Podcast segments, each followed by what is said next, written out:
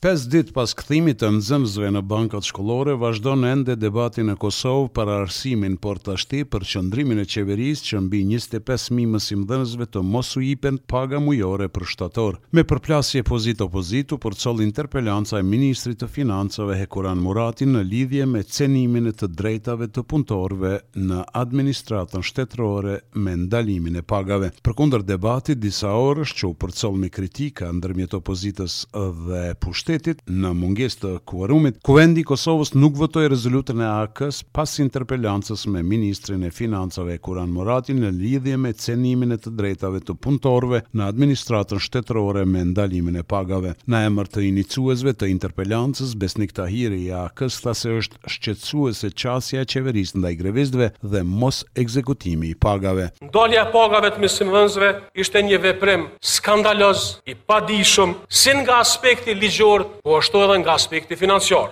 Është marrëzi që duke u thirr në këtë ligj dikush të pretendojë që lejohet ndalimi i pagës gjatë një greve të ligjshme. Edhe kreu i LDK-së Lumir Abdixhiku kritikoi kryeministrin Kurti për hakmarrje ndaj mësimdhënësve duke mos i proceduar pagat. Kjo vogëlsi e tij prej hakmarrësi ndaj dobëtit është shenjë e politikës së tij. Dhe n'këtë politikë t'tij ai është selektiv. Ka paguar gjithë grevistët e tjerë, por ka vendosur me vetëdije t'i dënojë vetëm njëzet e pesë mijë mësimdhënës kosovarë. Dhe në qoftë se respektimi i ligjit qenka vërtet kërkesë, si është e mundur që ligji të vlejë për disa e jo për të gjithë? Kryetari i PDK-së Memli Krasniqi, teksa kritikoi kryeministrin Kurti për trajtim jo të mirë të mësuesve, tha se ministri i Financave Hekuran Murati do të përgjigjet para drejtësisë për shkelje të ligjit. Ministri dje e ka shkel ligjin me mos ekzekutim të pagave. Muni me interpretu Qysh doni. Kallëzimin penal e ka, për këto ka me u përgjigj. Pagat kanë me dal. Por ky presion dhe ky shantazh që po u bëhet mësimdhënësve nuk besoj që kanë me harru. Ministri i Financave, Hekuran Murati arsyetoi mos ekzekutimin e pagave të mësimdhënësve. E kemi pa që sa e sa ditë japin ultimatum, herë PDK-ja, herë SBASHK-u, herë LDK-ja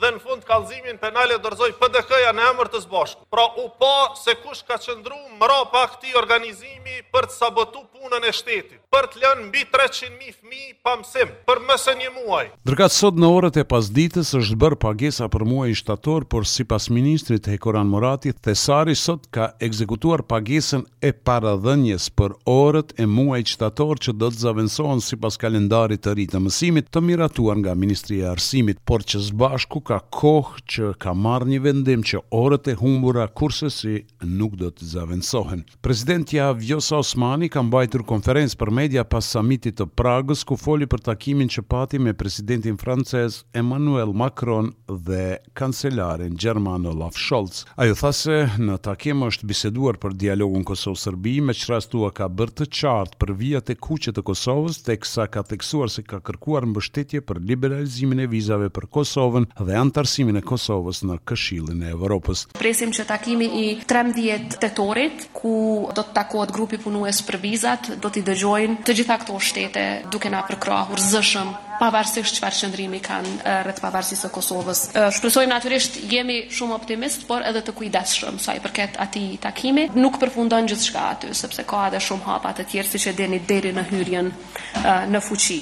Presidentja Osmani është pyetur edhe për Asociacionin e Komunave me Shumicë Serbe, për çfarë tha se një asociacion që ngjan me Republikën Serbe në Bosnë nuk do të realizohet në Kosovë. Modalitet për ne është Kushtetuta e Republikës së Kosovës. Ajo është alfa dhe omega e secilit veprim. tonë. Prandaj është vendimi i Gjykatës Kushtetuese ai i cili e trason rrugën përpara, është vendimi i Gjykatës Kushtetuese ai i cili përcakton që mekanizmat e tillë nuk mund të jenë as njëetnikë e as të kenë kompetenca ekzekutive.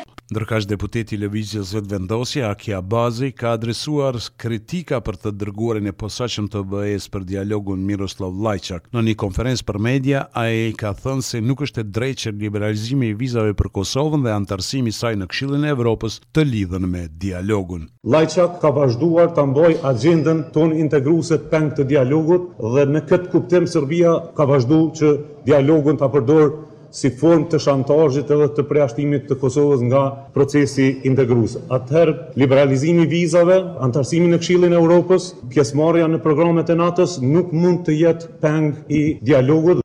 Kryeministri Albin Kurti e ka emëruar ushtruese detyre të ministres së Shëndetësisë, Dafina Gexha Bunjakun. Ky emërim erdhi pas dorëheqjes së Rifat Latifit nga detyra e ministrit të Shëndetësisë. Dorëheqjen e Rifat Latifit, LDK-ja po e konsideron si treguesin më të mirë të dështimit të Qeverisë Kurti. Deputeti i LDK-së Armend Zemaj, që ishte ministër i Shëndetësisë në mandatin e kaluar qeverisës, tha se ikja e mjekëve nga Kosova është një dështim tjetër i kryeministrit Kurti. Dorëheqja e doktor Latifit vjen si pasojë e dy faktorëve shtesë. dështimin e Kurtit si kryeministër, por edhe dështimin e Kurtit si ministër i Shëndetësisë. Mos të harrojmë se për këta tetëmbëdhjetë muaj kanë ndodhur një sërë dështimesh dhe padrejtësisht këto në kurriz të qytetarëve, të pacientëve, por edhe të profesionistëve shëndetësorë. Është shumë e padrejtë ndërhyrjet eklatante që kanë ndodhë në sektorin e shëndetësisë, në përzgjedhjen e drejtorëve politikë të klinikave, pa përvojë në menaxhim.